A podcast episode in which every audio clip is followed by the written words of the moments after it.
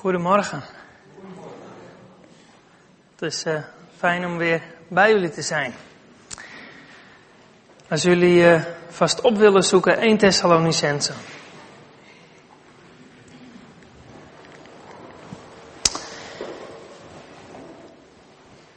Ik, uh, ik wil het vanmorgen met jullie hebben over geloof, hoop en liefde.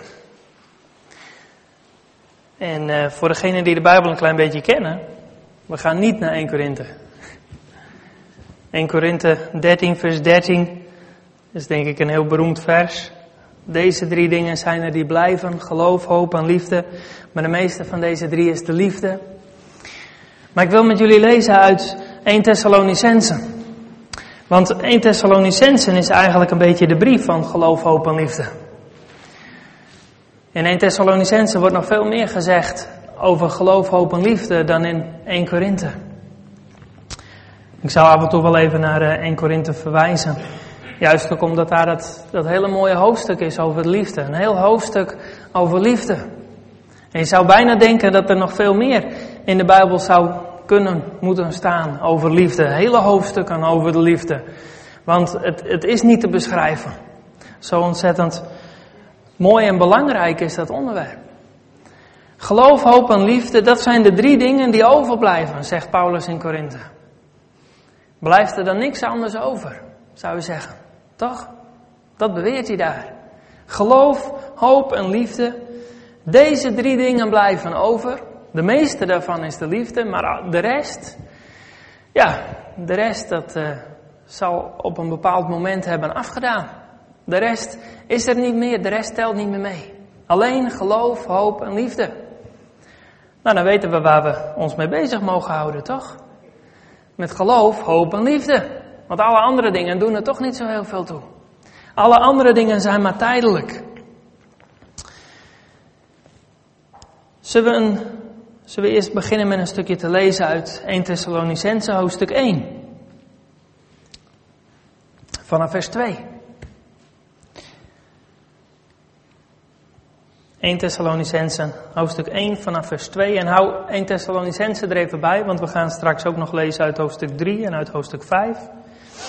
Dus hou gewoon 1 Thessalonicense bij de hand, dan uh, is het des te makkelijker om het even op te zoeken zometeen. Hoofdstuk 1 vanaf vers 2.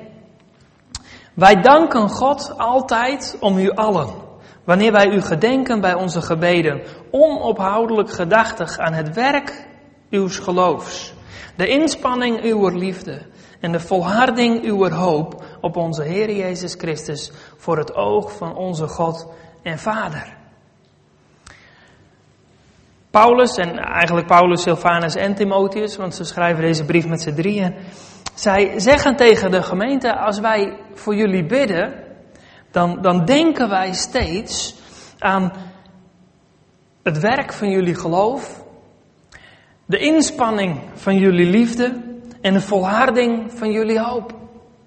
Dat is waar wij aan denken als we aan jullie denken. En um, als we gelijk al even verder gaan in hetzelfde hoofdstuk, uh, in vers 8, daar staat, want uit uw midden heeft het woord des Heren weer klonken, niet alleen in Macedonië en Achaïe, maar allerwege is uw geloof, dat zich op God richt, bekend geworden, zodat wij daarvan niets behoeven te zeggen. Want zelf verhalen zij van ons hoe wij bij u ontvangen zijn en hoe gij van de afgoden tot, u van de afgoden tot God bekeerd hebt om de levende en waarachtige God te dienen en uit de hemelen zijn zoon te verwachten die hij uit de doden opgewekt heeft. Jezus die ons verlost van de komende Daar komen ook die elementen weer naar voren. Geloof dat zich op God richt. En we hebben ons, wij ook, ik pas het maar even op ons toe, wij hebben ons afgekeerd van de afgoden om de levende God te dienen, de levende en waarachtige God te dienen. Eigenlijk een, een werk van liefde. En om zijn zoon te verwachten, de hoop. Geloof, hoop en liefde. Het zijn drie termen die best wel lastig zijn. Want de uitspraak van Paulus, deze drie blijven, geloof, hoop en liefde, En de rest doet er allemaal niet toe. Als deze drie dan zo ontzettend belangrijk zijn, dan is het ook heel belangrijk om te weten wat nou eigenlijk bedoeld wordt met die drie. En ik, ik, geloof dat wij, daar heb je dat woord geloof alweer, dat komt zomaar even langs in een hele andere context. Maar ik, ik geloof dat wij soms wel eens vergeten wat woorden eigenlijk werkelijk betekenen. Dat het soms moeilijk is om door te dringen tot de werkelijke betekenis van, van bepaalde woorden die zo vertrouwd voor ons zijn geworden. De meeste van jullie die al wat langer in de kerk komen, die kennen waarschijnlijk 1 Korinthe 13 vers 13 ook wel uit hun hoofd. Toch? Deze drie blijven, geloof, hoop en liefde, maar de meeste van die drie is de liefde. Dat zijn van die teksten die, die ken je zo ontzettend goed, die zijn zo makkelijk, zo vertrouwd geworden. Maar de betekenis gaat misschien soms wel eens een klein beetje aan ons voorbij. Want het is toch heftig dat daar staat dat de rest er eigenlijk niet toe doet voor de lange termijn. Tuurlijk, heel veel andere dingen zijn voor nu ook wel belangrijk. Maar uiteindelijk zijn dat de dingen die overblijven. Geloof, hoop en liefde. En wat is nou geloof? Wat is nou hoop? Wat is nou liefde? Van geloof staat hier in vers 8. Uw geloof dat zich op God richt. En ik denk dat dat een, een heel belangrijk item is wat geloof betreft. Geloof dat zich op God richt. In het Grieks, het woord pistis, dat wordt meestal vertaald met geloof, maar het woord vertrouwen is eigenlijk precies hetzelfde. Die twee zijn bijna uitwisselbaar. Terwijl voor ons is geloof vaak heel iets anders dan vertrouwen. Voor ons heeft geloof vaak te maken met iets wat in ons hoofd afspeelt. En straks in, in eh, hoofdstuk 5 zullen we zien dat geloof helemaal niet iets is wat in je hoofd afspeelt. Geloof heeft niet zozeer te maken met wat je weet. Geloof heeft met iets veel diepers te maken. We kennen misschien wel de tekst, geloof komt door het horen van het woord. En dat is wel waar geloof vandaan komt. Geloof groeit als wij het woord van God horen. Geloof, of eigenlijk zou ik het woord vertrouwen willen gebruiken. Vertrouwen groeit als wij over God horen. Vertrouwen groeit als wij God beter leren kennen. Wie God kent, heeft volkomen vertrouwen in God. Omdat wie God kent, weet dat God volkomen betrouwbaar is. Geloof is niet wat wij vaak zeggen van dat is gewoon het geheel van alles wat we doen. In, in die betekenis wordt het woord ook in de Bijbel wel eens gebruikt. We gebruiken geloof als, als, als, als woord, als symbool eigenlijk voor alles wat er maar bij hoort. Maar geloof zelf, wat de kern is van ons geloof, is vertrouwen op God. Jezus zegt op een gegeven moment, wie God ergens om vraagt, moet geloven dat God bestaat en een beloner is voor wie hem ernstig zoeken. Wie God ergens om vraagt, moet ook geloven dat God bestaat, toch? Anders, ja, wat heeft bidden voor zin als je helemaal niet in God gelooft? Als je niet gelooft dat God bestaat, als je niet gelooft dat God naar je luistert, waarom bid je dan eigenlijk? En heel veel mensen hebben misschien niet zo heel veel geloof, niet zo heel veel vertrouwen. Maar het feit dat je tot God bidt, bewijst toch al dat er een heel klein beetje geloof aanwezig is. En geloof groeit als wij ons met het woord van God bezighouden. Geloof groeit als wij bezig zijn met de dingen van God. Dan groeit ons vertrouwen in God. En vertrouwen is een, is een hartszaak. Vertrouwen is, is niet rationeel. Hoewel de rationele kant er wel bij hoort. Want door na te denken over God, door misschien wel te beredeneren over, over God, de dingen die wij weten van God, ons dat steeds weer voor te houden, daardoor kan ons geloof groeien. Maar het is niet ons geloof. Je geloofsbeleidenis, dat is een, een opsomming van de dingen waar je in gelooft, van, van de dingen die je zeker weet. Maar het geloof waar het hier over gaat, heeft niet zozeer daarmee te maken. Het geloof waar het hier om gaat, is een vertrouwen op God. En als wij God vertrouwen, dan doen wij wat Hij zegt. Of je het nou snapt of niet, of je het er nou mee eens bent of niet. Maar als je ergens op vertrouwt, dan handel je daarnaar. Dat is het bewijs van het geloof. Jacobus zegt geloof zonder werken is dood. En, wij, wij doen dat, je hebt geloof en werken nodig. Nee, eigenlijk heb je alleen maar geloof nodig. Want als je geloof hebt, dan heb je ook werken. Dat kan niet anders.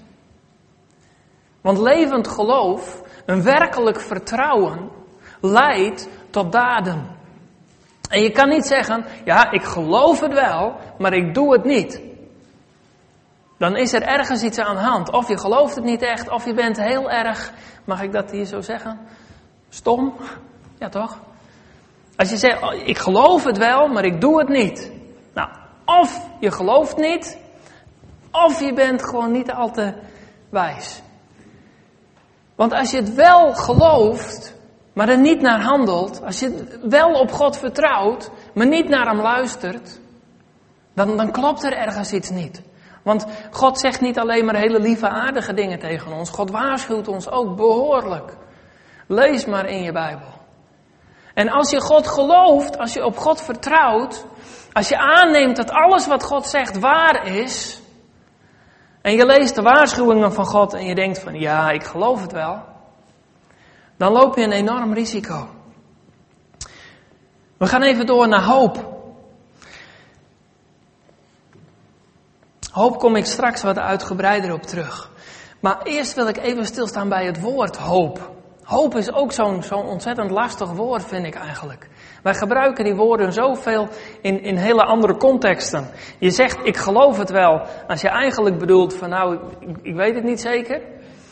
En als je zegt dat je iets hoopt, dan heb je geen idee of het wel of niet gebeurt. Toch? In ons Nederlands spraakgebruik, als wij, we hopen dat dit gebeurt, we hopen dat dat gebeurt, we hopen van alles en nog wat. En daarmee bedoelen we eigenlijk dat we geen idee hebben of het, of het gebeurt, maar het zou wel heel fijn zijn. Dat is wat wij bedoelen als wij hoop zeggen. Als wij het woord hoop gebruiken, dan zeggen we eigenlijk, ik zou dit heel fijn vinden. Maar het woord hoop in de Bijbel betekent niet dat wij het heel fijn vinden, alhoewel is datgene waar we op hopen wel heel erg fijn. Maar hopen is niet iets graag willen. Hopen is niet iets heel erg fijn vinden. Hopen is een, een, een verwachting, is een verlangen, is een, een, zeker gecombineerd met geloof, is het een zeker weten. Want hoop is niet gebaseerd op, op een kansberekening. Hoop is niet gebaseerd op, op van nou, van alle mogelijkheden is dit degene die onze voorkeur heeft. Hoop is gebaseerd op beloften. En ik weet niet hoe het met jullie is, maar beloften die, die staan. Tenminste, dan moeten we niet onszelf als voorbeeld nemen, want wij struikelen nog wel eens in de beloften. Maar als wij weten van wie de beloften komen, dan weten we dat die beloften vaststaan. Weet je, als wij elkaar iets beloven, dan, dan is die Nederlandse vorm van hoop, daar kom je al een heel eind mee. Als je elkaar iets belooft, dan hoop je dat het ook gebeurt. Maar als God ons iets belooft, dan heb je werkelijk hoop. Dan heb je iets fantastisch om naar uit te kijken. Want als God het belooft, dan is het zo. Dan gebeurt het ook. Weliswaar zitten er wat voorwaarden aan verbonden hier en daar, de dingen die God belooft. Hij zegt niet van jongens, het gebeurt toch, maakt niet uit wat jij doet. Nee, hij zegt, kom alsjeblieft en werk mee. Dit is wat ik aan jullie beloof. En het enige wat God van ons vraagt is dat wij meewerken met Hem. Dat wij, dat wij meedoen. Hoop is dus niet zomaar iets, iets vluchtigs. Maar hoop is iets wat absoluut vaststaat. Hoop is iets waar wij aan vast kunnen houden. Het is niet voor niks dat wij dat, dat anker, dat, dat komt, er is ergens een tekst waar dat ook gebruikt wordt, maar dat anker hebben wij als symbool van de hoop. Want een anker geeft ons vastigheid. En zo is de hoop die God ons geeft, geeft ons vastigheid.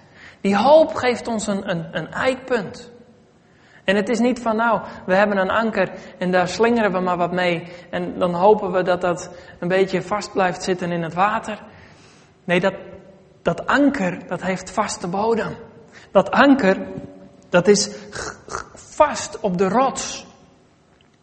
En die rots is Jezus Christus uiteraard. Het staat hier ook in, in vers 3. Daar staat de volharding uw hoop op onze Heer Jezus Christus. Voor het oog van onze God en Vader. Er staat niet de hoop van alles wat je zelf graag zou willen.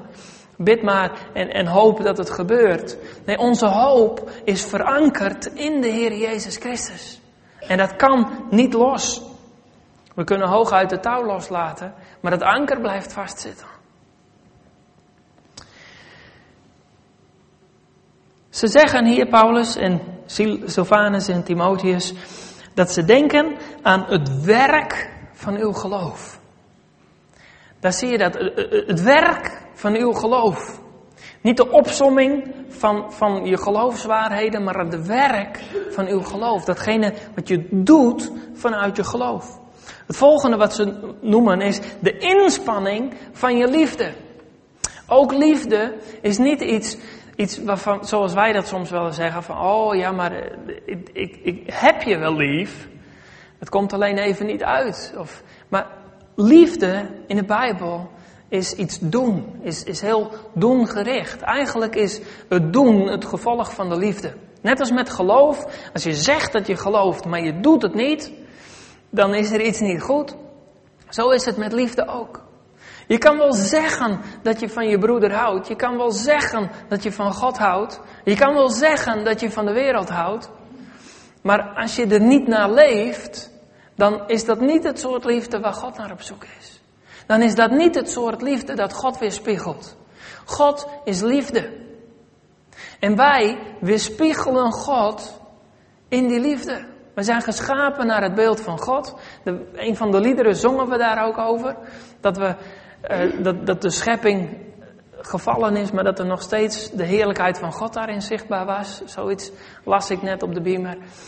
En, en wij, wij zijn de schepping van God. Wij zijn geschapen, in het bijzonder wij als mens, zijn geschapen naar het beeld van God. Dat beeld is een klein beetje verstoord. Een klein beetje. Maar God wil ons terugbrengen naar dat beeld van God. En weet je wat het beeld van God is? God is liefde. Jezus is het volmaakte beeld van God. Waarom? Omdat de liefde in hem volmaakt was. Als wij willen groeien naar ons, ons, onze oorsprong, naar hoe wij bedoeld zijn. Als wij willen toegroeien naar dat beeld van God zoals wij bedoeld zijn om te zijn, dan is liefde de kern. Dat is waar het om gaat. Paulus zegt niet voor niks geloof, hoop en liefde, maar de belangrijkste van die drie is de liefde. En de liefde is ook iets wat, wat actie zit daarbij. Liefde is niet een gevoel, zo van, oh, in mijn gevoel hou ik zoveel. En, en als die ander eh, verdriet heeft, och, dan heb ik ook verdriet, vind ik heel vervelend. En verder gaan we gewoon vrolijk door met onze normale gang van zaken. Dan doen we gewoon wat voor onszelf fijn is en leuk. Liefde leidt ertoe dat wij onszelf overgeven. Jezus was het volmaakte beeld van de liefde en hij heeft zichzelf voor ons overgegeven.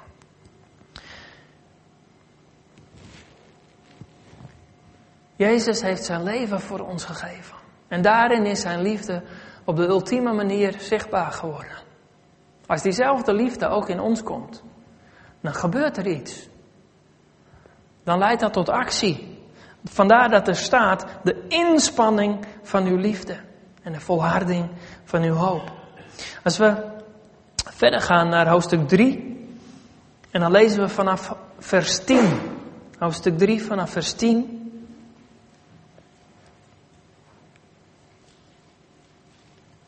Het ging in hoofdstuk 1 al even over dat ze met z'n drieën aan het bidden waren voor, voor de Thessalonicensen. En hier zijn ze ook weer aan het bidden. Nacht en dag bidden wij vurig dat wij uw aangezicht mogen zien. En voltooien wat nog aan uw geloof ontbreekt. Paulus en Silvanus en Timotheus, die bidden dat ze de gemeente opnieuw mogen zien. Ze hebben een enorm verlangen om deze mensen opnieuw te ontmoeten. En, en dan staat er een opmerking. Wij zouden dat misschien heel, heel negatief op kunnen vatten, toch? Als een, een prediker hier komt en hij zegt: Jongens, ik ben hier om te voltooien wat nog aan jullie geloof ontbreekt. Ik weet niet of iedereen dan denkt: van yes, eindelijk, hè? Toch? Er mist nog zoveel aan mijn geloof. Eindelijk is er iemand die daar wat aan gaat doen. Of hebben we misschien eerder een, een houding van hoezo voltooien aan mijn geloof? Hallo, je kan nog wat leren van mijn geloof. Weet je, er ontbreekt nog het een en ander aan ons geloof. Er ontbreekt nog heel veel aan ons geloof. Geloof is vertrouwen op God. En ik weet niet hoe het met jullie zit, maar mijn vertrouwen op God mag nog veel groter worden. Mijn vertrouwen op God is nog niet uitgegroeid, is nog niet klaar. Ik denk dat mijn leven er nog heel anders uit zou zien als mijn vertrouwen op God nog veel groter was.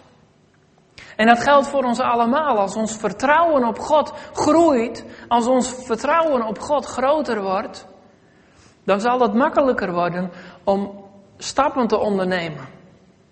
Dan zal het makkelijker worden om die dingen te doen die God gezegd heeft tegen ons. Ik hoorde laatst een, een, preker, een uh, Armenier, en hij heeft hier in Nederland een bediening onder Armeniërs om ze over Jezus te vertellen. En hij zei, ik dacht altijd dat vervolging, dat we daar eigenlijk niks mee te maken hadden als christenen hier. Maar nu leidt hij een, een, een bediening van evangelisatie onder Armeniërs. En hij zei, nou heb ik te maken met vervolging. Misschien moeten we allemaal wat meer gaan doen wat hij doet. Mensen over Jezus vertellen, ook wanneer ze er geen zin in hebben om ernaar te luisteren. De wereld confronteren met het licht en met het zout. Die vervolging komt wel, heeft Jezus ons beloofd. Dus dan mag je hoop hebben dat die vervolging komt, dat die verwachting komt. Niet alleen die belofte, maar ook al die hele mooie beloftes uiteraard. Ze kwamen en ze hadden het verlangen om te voltooien wat aan het geloof ontbrak. En dan gaat hij verder. Hij, onze God en Vader en onze Heer Jezus. We zijn in vers 11 overigens, voor degenen die meelezen. Hij, onze God en Vader en onze Heer Jezus, banen ons de weg tot u. En u doet de Heer toenemen en overvloedig worden in de liefde tot elkaar en tot allen. Zoals ook wij gezind zijn jegens u om uw harten te versterken, zodat zij onberispelijk zijn in heiligheid, voor onze God en Vader bij de komst van onze Heer Jezus met al zijn heiligen. Het eindigt hier bij de hoop. De hoop dat God, dat Jezus terugkomt. Onberispelijk, dat wij onberispelijk mogen zijn op het moment dat Jezus terugkomt met al zijn heiligen. Dat is waar het toe leidt. Dat is de hoop die we hebben, dat Jezus terugkomt. Niet alleen dat Jezus terugkomt, maar de hoop is dat wij erbij zullen horen. Ergens anders in, in dezezelfde brief staat dat vers over een oogwenk. Wij die nog leven, als Jezus terugkomt. Dus als Jezus terugkomt, als wij nog leven, dan zullen wij in een oogwenk veranderd worden en met Hem zijn en met Hem terugkomen. Dat is iets moois om naar uit te zien. En, en Mocht je er zelf niet meer bij zijn als Jezus terugkomt, is ook niet erg. Want dan kom je gewoon ook met hem mee naar beneden. Dus of je nou nog leeft of niet meer, dat maakt niet uit. De hoop blijft bestaan. De hoop is niet dat Jezus terugkomt tijdens je leven. De hoop is dat Jezus terugkomt en dat je erbij bent. En of je nou leeft of niet meer leeft, dat is niet relevant. Want beide keren mag je erbij zijn. Maar ze zeggen hier tegen de gemeente, u doet de Heer toenemen en overvloedig worden in de liefde tot elkander en tot allen. Zodat jullie harten onberispelijk mogen zijn in heiligheid als Jezus terugkomt. Als de liefde toeneemt, dan is die hoop niet ongegrond. Je kan wel hopen dat je erbij mag zijn als Jezus terugkomt. Meer in de Nederlandse betekenis van het woord. Zo van ja, ik hoop ook dat ik gered ben. Ik hoop ook dat als Jezus terugkomt dat ik daarbij mag zijn. Ik hoop dat ik in de hemel kom. Die hoop is niet christelijk. Die hoop is niet bijbels. Die hoop is heel erg menselijk. Maar die hoop komt niet van God. De hoop die van God komt, is niet een, een, een spannende hoop. Is niet een, een angstige hoop. Waarbij wij hopen dat het goed komt. De hoop van God, de verwachting en het verlangen is een geweldig uitzien naar datgene waarvan wij zeker weten dat het gebeurt. Datgene wat God beloofd heeft. En daar mogen wij naar uitkijken. U doet de Heer toenemen en overvloedig worden in de liefde tot elkaar en tot allen. Want dat is uiteindelijk waar het allemaal om draait. Om de liefde. En, en ik weet niet of dit een bemoediging is of dat het misschien een beetje schrikken is, maar Wij zijn niet in staat tot liefhebben. Klopt dat? Ja, toch? Of we proberen het wel eens. En zo nu en dan komen we wel een stukje. Het is net als als je over de sloot heen wil springen. Dan kun je ook achteraf zeggen nou, ik was op de helft. Zo is ook liefde. Je kan het wel proberen. Je kan wel je best doen. Maar wij kunnen niet lief hebben. Wij zijn niet in staat om lief te hebben uit onze eigen kracht. In, in Galaten 5 vers 22, hè, de, de vrucht van de geest. Het eerste wat Paulus daar opnoemt is de liefde. Liefde is een vrucht van de geest. En als je uit je eigen kracht probeert lief te hebben, dan hoop ik voor je dat je er een heel eind mee komt. Maar het gaat niet lukken. Als je uit je eigen kracht probeert te voldoen aan datgene wat God van ons vraagt, dan ben je kansloos. Dan heb je geen hoop. Maar als wij God de ruimte geven om in ons leven met Zijn liefde te komen. Ten eerste zijn we niet meer kansloos, maar hebben we een geweldige hoop. Dan mogen we zeker weten dat het goed komt. Dan is ons vertrouwen in God mag dan gaan groeien. Want wij hoeven het niet uit onze eigen kracht te doen. Maar uit de kracht van God. En uiteindelijk leidt dat ertoe dat wij op God gaan lijken. Dat wij op Jezus gaan lijken. Hij is liefde. En als Zijn liefde in ons toeneemt, dan worden wij net als Hij. Laten we naar hoofdstuk 5 gaan. En uh, ik lees vanaf vers 4. Maar het gaat om vers 8. 1 Thessalonicenzen 5 vanaf vers 4. En het stukje hiervoor gaat het over het verderf en dat er in de duisternis, nou ja, hoe het daar gaat. En Jezus komt terug, gaat het ook over hier. Maar dan gaat het erover dat wij niet in de duisternis zijn. En wij gaat over mensen die gered zijn. Mensen die verlost zijn. We zijn niet alleen verlost van de toekomende toren, wat overigens in, uh, in vers 10 van hoofdstuk 1 hebben we dat gelezen. Daar zijn we van verlost. Maar we zijn ook verlost, of in ieder geval bezig om verlost te worden, uit de duisternis. De mensen hier op aarde leven in de duisternis. En wij zijn al in het licht. We zijn in ieder geval een eind onderweg in dat licht. En dan, dan staat hier, maar gij broeders zijt niet in de duisternis, zodat die dag u als een dief overvallen zou. De dag dat Jezus terugkomt gaat het over. Want gij zijt allen kinderen des lichts en kinderen des dags. Wij behoren niet aan de nacht of de duisternis toe. Laten wij dan ook niet slapen, gelijk de anderen, doch wakker en nuchter zijn. Want die slapen, slapen des nachts. En die zich bedrinken, zijn des nachts dronken. Maar laten wij die de dag toe behoren, nuchter zijn. Toegerust met het harnas van geloof en liefde. En met de helm van de hoop der zaligheid. Want God heeft ons niet gesteld tot toorn, maar tot het verkrijgen van zaligheid door onze Heer Jezus Christus, die voor ons gestorven is. Opdat wij, het zij wij waken, het zij wij slapen, tezamen met Hem zouden leven. Vermaant daarom elkaar en bouwt elkaar op, gelijk gij dit ook doet.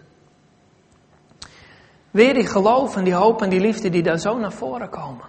Want die drie dingen zijn het waar het uiteindelijk om gaat. Die drie dingen zijn die overblijven. En of je nou slaapt of waakt, in het begin is slapen en waken wordt als beeld gebruikt voor mensen die nog in de duisternis zijn en mensen die in het licht zijn. En als je dat laatste vers ook zo op zou vatten, dan kom je heel ergens anders uit. Vers 10, daar staat of wij nou slapen of waken, wij zullen met hem leven. Dat betekent niet dat je in de zon mag leven, dat je in de duisternis mag zijn, want je wordt toch wel gered. Nee, ik denk dat in dat vers het meer letterlijk opgevat mag worden. Of je nou slaapt of waakt, je hoeft niet, je hoeft niet de hele nacht op te blijven, je hoeft niet altijd maar wakker te zijn. Wij mogen leven in de rust. Weliswaar met werk van geloof en inspanning van liefde, maar wij mogen leven in de rust. In de ontspannenheid waarin wij God zijn werk in ons laten doen. En wij zijn niet meer van de nacht. Wij zijn niet meer van de duisternis. En alles wat bij de duisternis hoort, dat hoort niet bij ons. Dat hoort niet meer in ons leven. Dat is vreemd in ons leven. Laten wij die de dag toebehoren nuchter zijn, toegerust met het harnas van geloof en liefde en met de helm van de hoop der zaligheid. De helm zit op ons hoofd. De helm van de hoop van de zaligheid. De hoop op, op die volkomen redding die op ons wacht. De hoop dat als de toren van God straks komt, dat wij daar niet onder vallen omdat wij in Christus gered zijn. De, de hoop die beschermt ons denken. Ons denken mag gericht zijn op God. Ons denken mag gericht zijn op de beloften van God. Op alles wat God ons beloofd heeft. En dan is de hoop dat Jezus voor ons terugkomt. De hoop dat wij eens voor, voor altijd met Hem zullen zijn. Dat, dat beschermt ons denken. En daarnaast is er het harnas van geloof en liefde. Want geloof en liefde plaatsen wij vaak in ons denken. Maar geloof en liefde zitten niet in ons denken. Het vertrouwen op God is een, een, een hartsgesteldheid. Waarin wij op God vertrouwen en wat leidt tot actie. Liefde is niet iets wat, wat in ons gevoel zit. Wel in je hart, maar niet in je gevoel. Het is niet een, een, een, een gedachte. Het is niet van een, een, alleen maar iets wat, wat niet fysiek wordt. Liefde is pas liefde als het ook gedaan wordt. Als het tot actie leidt. Geloof is vertrouwen. Hoop is, is, is een zekere verwachting. En liefde vind ik eigenlijk heel erg moeilijk om te beschrijven. Ik, ik denk zelf dat als we naar geloof kijken en daar bedenken dat dat geloof eigenlijk veel meer lijkt misschien wel op wat wij tegenwoordig vertrouwen noemen. Dat het dichterbij kan komen. Dat we beseffen waar het in het geloof eigenlijk werkelijk om gaat. Dat wij op God vertrouwen. Dat wij ons aan Hem toevertrouwen. Hoop wordt voor mij in ieder geval een stuk duidelijker als ik besef dat het gaat om iets waarvan ik weet dat het gaat gebeuren. Dat is hoop. En liefde, het dichtstbij wat ik eigenlijk kom, is een anti-woord. Is wat het niet is. Liefde is, is het tegenovergestelde van egoïsme. Wij mensen zijn van onze menselijke natuur, onze vervallen natuur, zijn wij op onszelf gericht. En liefde is precies het tegenovergestelde van dat. Liefde is niet op jezelf gericht. Liefde gaat niet om jou. Liefde gaat om die ander. En daarom mogen we God lief hebben. Mogen. Daarom is het de bedoeling dat wij God lief hebben boven alles. Want liefde gaat niet om ons. Het gaat niet om dat wij zo blij zijn met God. En dat wij iets hebben aan onze relatie met God. En dat wij er beter van worden. God liefhebben betekent dat je op zoek bent naar datgene wat tot eer van God is. Ook als het ten koste gaat van jou. Je naaste liefhebben betekent dat je op zoek bent naar datgene wat goed is voor die ander. Zelfs als het ten koste van jezelf gaat. Dat is liefde. En als we zo naar liefde kijken, dan beseffen we ook dat liefde eigenlijk ver buiten ons eigen bereik ligt. Dat wij dat helemaal niet kunnen. Deze drie dingen blijven. Ons vertrouwen op God heeft eeuwigheidswaarde. Dat blijft. Ons vertrouwen op God wordt nooit beschaamd, want het woord van God is eeuwig. En zo blijft dat geloof, dat vertrouwen. Ook de hoop blijft. De hoop die zeker is. De hoop die vervuld wordt. Die blijft. Datgene waar wij nu al naar uit mogen kijken, dat blijft. Dat vergaat niet zoals al het andere om ons heen. En de liefde, die blijft. Want liefde is uiteindelijk zijn zoals God is. En dat is Gods plan voor ons. Dat wij uiteindelijk worden zoals Hij. Dat wij met Hem mogen zijn. Dat wij één met Hem zijn. Dat liefde ons volkomen vervult. Zo blijven dan deze drie, geloof, hoop en liefde. En de meeste van die drie is de liefde. Liefde en geloof die een harnas zijn dat ons beschermt. En hoop die ons zekerheid geeft, die ons denken veilig houdt. Geloof is een, een gave van God. We krijgen dat van God. Door het horen van het woord van God gaat ons geloof, gaat ons vertrouwen groeien. We krijgen het van God. Liefde is een vrucht van de geest, zoals we net al hebben gezien. En hoop is gebaseerd op de beloften van God. Deze drie komen bij God vandaan. Deze drie, als wij ze ontvangen in ons leven, als wij dat laten groeien in ons leven, brengen ons dichter bij God. Daarom zijn ze zo ontzettend belangrijk. Amen. Vader in de hemel willen u bedanken. Willen u bedanken dat u zo geweldig goed voor ons bent.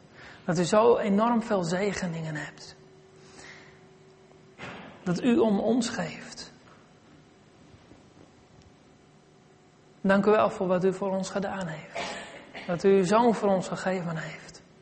En dat u uw geest ook aan ons gegeven heeft. Dank u wel dat u ons aan elkaar gegeven heeft. En dat u ons vult met liefde. Heer, wilt u ons hart aanraken. Dat wij mogen beseffen wat het betekent wat u voor ons heeft gedaan. Toen u uw lichaam voor ons overgaf. Dat we mogen beseffen wat het voor ons betekent als wij deel zijn van uw lichaam. Heer, wilt u ons openbaren wat het betekent, de volle betekenis, dat wij deel mogen hebben aan een verbond met u door het bloed van Jezus Christus. Heer, ik vraag dat u en ieder van ons hier aan wilt raken. Zodat wij vanuit ons hart deel mogen nemen aan dit avondmaal. Dat wij met ons hele hart hierin opnieuw ja tegen u mogen zeggen. Dat we mogen beleiden dat we ja tegen u gezegd hebben. Dat we mogen getuigen van uw dood en uw opstanding. Dat we elkaar mogen getuigen dat wij leven hebben in u. Heer, we prijzen uw wonderbare naam. We danken u voor wat u heeft gedaan. Dat u het heeft volbracht voor ons. En dat u bezig bent om het in ons te volbrengen. Amen.